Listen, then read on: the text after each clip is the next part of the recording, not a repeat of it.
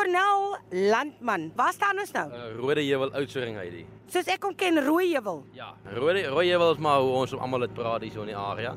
As jy vra waar Rode Heuwel is, sal die mense nie verstaan nie, maar die ouer gaders, hulle weet van Rode Heuwel. Okay, nou daai geluid op die agtergrond. Sê vir ons luisteraars, wat hoor ons? Dis 'n trekker en 'n voermenger wat besig is om die A-graad bees wat in die voerkraal staan te voer. Hulle kry 4 keer 'n dag kos. Ehm um, dis nou hulle middagete. Okay, ek kan seker maar hier trokkie afsit. Hoe het jy soveel geleer van boerdery?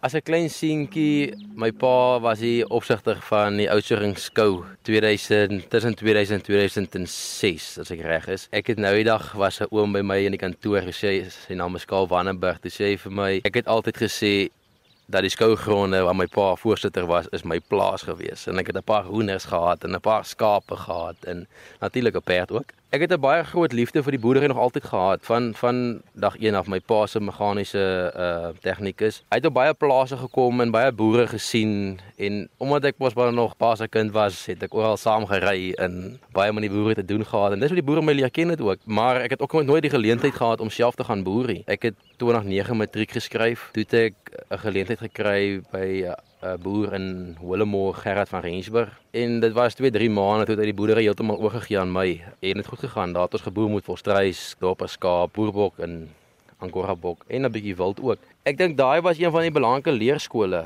Ek het nie 'n great salaris gekry nie maar almal moet ergens begin. 2011 Desember is die plaas toe verkoop en toe moet ek terugkom Oudtshoorn toe. Op daai stadium was ek werkloos uh voor Bantam bakkie gehad en 1500 in my bankrekening. Toe moet ek planne maak want onthou wat se inkomste kry ek volgende maand. Ek het toe na 'n boer toe gegaan wat ek net maar voor groot geraak het en hom gevra het luister oom, ek soek 'n stukkie grond, kan ek die grond by jou huur? Ek moet ook sê daai tyd was die volstruisbedryf onder geweldige druk gewees, uh volgriep. Toe het Oudtshoorn baie goeie jare, ons baie reën gehad, ons damme was vol. Hier was 'n oorvloed in Lucerne gewees. Daar was nie 'n mark vir dit, daar was nie genoeg volstruis om te eet nie. En toe het ek gegaan en van die bale gaan koop. My heel eerste vrag wat ek voer wat ek gekoop het was by Johan Otier op Oudtshoorn en hy was een van die ouens wat vir my gesê het is reg Cornel, ehm um, jy kom die vrag laai betaal my na 7 dae of na 10 dae as jy die geld het. Die vertroue wat daai boer daai tyd in my gesit het. Ek dink 'n ou kan nie regtig sê wat dit beteken vir 'n ou se besigheid nie. Een ding wat ek wel kan sê as ek gesê het dit is Vrydag, is dit Vrydag. Jy moet by jou woord hou. Ehm um, so ja, 2012 het ek toe nou begin grond hier en ek het baie lucerne opgekoop. Ek het van die lucerne verwerk in lucerne meel in en dis toe verkoop aan BKB Grainco daai tyd en nog 'n paar ander uh, voermaatskappye wat dan nou weer traders was en dit weer verkoop byvoorbeeld aan 'n Meadows of 'n Nova of 'n DS. Hulle het vir my die backing gegee van die geld natuurlik want as ek 'n produk gelewer het 7 dae daarna het ek my geld gehad en ek kon weer die boer betaal waar ek gelaai het en ek kon ook 'n bietjie lucerne sny daai tyd omdat ek is mos nou grond begin hier het En toe word dit vir jou 'n groot droom om 'n skaapvoerkraal besigheid te begin.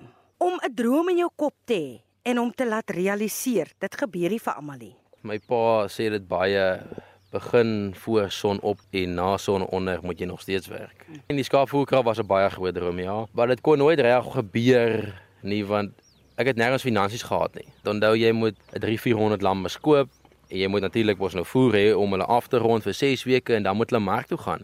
En die skaappryse is so wisselvallig wanneer jy hom koop teen 'n prys en wanneer jy hom wil verkoop, partykeer verloor jy geld. Maar dit gaan maar oor bestuur en harde werk. Ja, as ek weer kan terugkom na bestuur toe, dit dit is seker die belangrikste ding. So toe ek begin met so 300 lammers in die begin, ehm um, hulle afgerond, 'n mark gekry vir hulle gesien naas daar 'n paar rand oor en toe bietjie meer begin voer en bietjie meer begin voer. Toe dit nou reg goed gaan en ons het 'n groot mark toe het die ouens waar die slagpaal is gevra of ek kan bees voer en dan afrond en vir hulle stuur. Ek het toe begin met bees koop klein. Ons het maar 20 ehm uh, kalvers gekoop en afgerond en ook gesien die syfers lyk goed. En dit was 2014, ons staan nou 2021 van 30 val tussen 20 en 30 kalvers daai tyd en nou staan ons op 2800 bees. Ja, skaap staan ons tussen 6 en 8000 skaap. Ons is nou tans is ons lekker vol.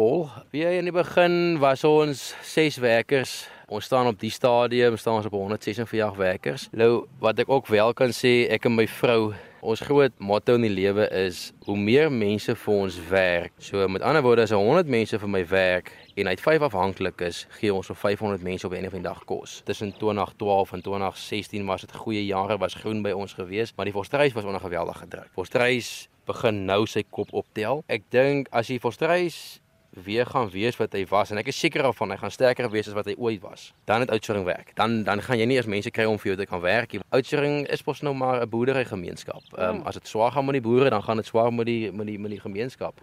Ek hou daarvan is iemand suksesvol is en hulle voete bly plat op die aarde. Hoe kry jy dit reg? En dan ook wil ek sommer byvoeg. Jy het op 'n kol gesê, moenie vir iemand iets gee om te doen wat jy nie self wil doen nie. Elke maandagooggend 9uur is daar 'n vergadering, is al 18 ons bestuurders daar om die tafel en ons sit en ons gesels en ek sê dit daagliks. As jy as bestuurder of ek as eienaar bereid is om 'n opdrag te gee en jy is nie bereid om dit self te doen nie, dan moet jy dit nie gee nie. Jy kan nie uh, take uitdeel, maar jy kan dit nie self doen nie, want jy moet mos aan vir die persoon kan wys as jy as werker of jy nou 'n gewone plaasarbeider is, nie hier wil wees nie, dan gaan dit nie ooit vir jou lekker wees nie. Ek weet jy's passievol oor Oudtshoorn en sy mense, maar kom ons gesels nou maar sommer eerlik. Hoe voel jy oor werkskepping? Hoe sien jy dit? Ongelukkig sit Oudtshoorn met 'n reuse werkloosheidssyfer. Die regering sê hulle gaan planne maak maar dit gebeur nie. So ja, as die regering net ons landbou ouens 'n bietjie meer wil ondersteun, sal daar baie meer werksgeleenthede geskep kan raak. As jy die plaas vat wat ons hierso op staan nou, hier's oor genoeg werk. Maar dit help nie ek gaan stel 300 mense aan om werk te doen, maar die inkomste op die plaas is nie genoeg om 300 mense te betaal nie. Ehm um, ons kry net die nodige personeel en ons stel eerder ouens aan wat 2, 3 take kan verrig en nie net een ding kan doen nie. En dit is eintlik sad want die persoon wat nie bietjie onderrig gekry het of 'n universiteit graad het of daai klas van goed. Hy val nou die bus uit. Want wat 'n geleentheid kry. Een ding ook waaroor ek baie passievol is, ek het nooit reg kans gekry om te gaan leer op plase nie as as jong man. En as studente my bel en hulle vra luister oom, dan sê ek hy's ek is nie 'n oom nie, ek is nog jonk. Ehm um, en vra luister maar is daar nie 'n geleentheid vir my om te kom leer hê? Ek hy, hy wil nie 'n salaris hê nie, hy wil net kom inval by my van maandag tot Vrydag en 'n bietjie om te leer. Ek sê nooit nee nie. My bestuur in die kantoor weet, jy sê vir niemand nee nie. Want daai ou kan kom al moet ons daai persoon help moet verblyf dat hy kan leer dis hoe 'n dragtige geskaap lyk. Dis hoe die beesvoerkraal ding moet gedoen raak. Al daai fynere detail. Ehm um, ja, ons het nou 'n student wat kom in November maand. Ehm um, hy kom tot einde Februarie en ook gesê luister hy wil nie salaris hê nie, hy wil net kom werk, hy wil net ondervinding opbou, hy wil dit net op sy CV kan sit. Toe sê ek nee nee nee. Jy kom in, ons sal jou daarom 'n salaris gee dat jy dan vir jou 'n toebroodjie kan inpak vir die werk. Ja. Ons is streng hoor, moenie 'n fout maak nie. As jy ja. kom, sê ons vir hom wat die reëls is. uh, Ongeluk gebeur so vinnig, so hy moet by ons reëls inval. Daar's nog baie drome oor vir jou. Jy's jonk, jy's nou 30 jaar oud. Maar ek sê altyd vir mense, kom ons vat dit terug na die ouers toe. Hulle moet geweldig trots wees op jou. By ma en my pa, albei hou my baie nederig. My beginsels het hulle in plek gesit as ek twyfel oor 'n ding en ek is nie seker nie, sal ek sê hallo ma, ek sit in die situasie, wat dink ma moet ek maak of ek bel my pa, ek sê luister pa, wat dink jy moet ek doen? Ek was 17 toe ons daai jong boer ding gedoen het, die 1 Januarie bel my pa, maar ek het dit nie eens geweet nie. My pa bel my, hy sê jong boeta, jy moet kyk, uh mens op die voorblad van die Farmers Weekly. Ek sê pa, dit kan nie wees nie. Hy was die een in trane gewees. My pa en my ma kon nooit vir my finansiëel ondersteun nie, maar ek het ook genoeg liefde gehad. En ek sê dit baie vir my vrou ook. Ons kinders gaan moet minimum groot raak. Daar gaan nie net verkry wees nie, want ek het as kind en sy ook nie net gekry nie. En dit het ons geleer. Ehm um, onthou byvoorbeeld ek was staan met 4 as moet ek gras sny vir 'n sak geld. En en dit het 'n ou geleer van besigheid.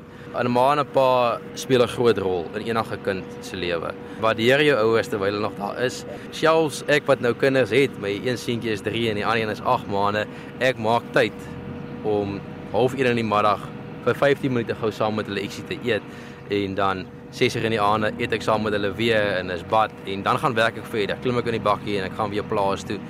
En voor 12 uur is alles gedoen en reg en dan gaan ons. Toe ons in die bakkie ry hiernatoe toe sê jy as 'n mens nie die regte ondersteuning het nie en jy het spesifiek verwys na jou vrou, haar naam is Henry. Wat wil jy sê vandag vir Henry? 'n Vrou in jou lewe is is meer 'n steunpilaar. En as dit nie vir haar was nie, sou ek nie 90% van ga dit gehad het wat ek vandag het nie. Um ons is Desember 2016 getroud en toe gaan Oudtshoorn net in 'n droogte in. Ons damme is leeg. Ek hoop haar pa se my kwaad het.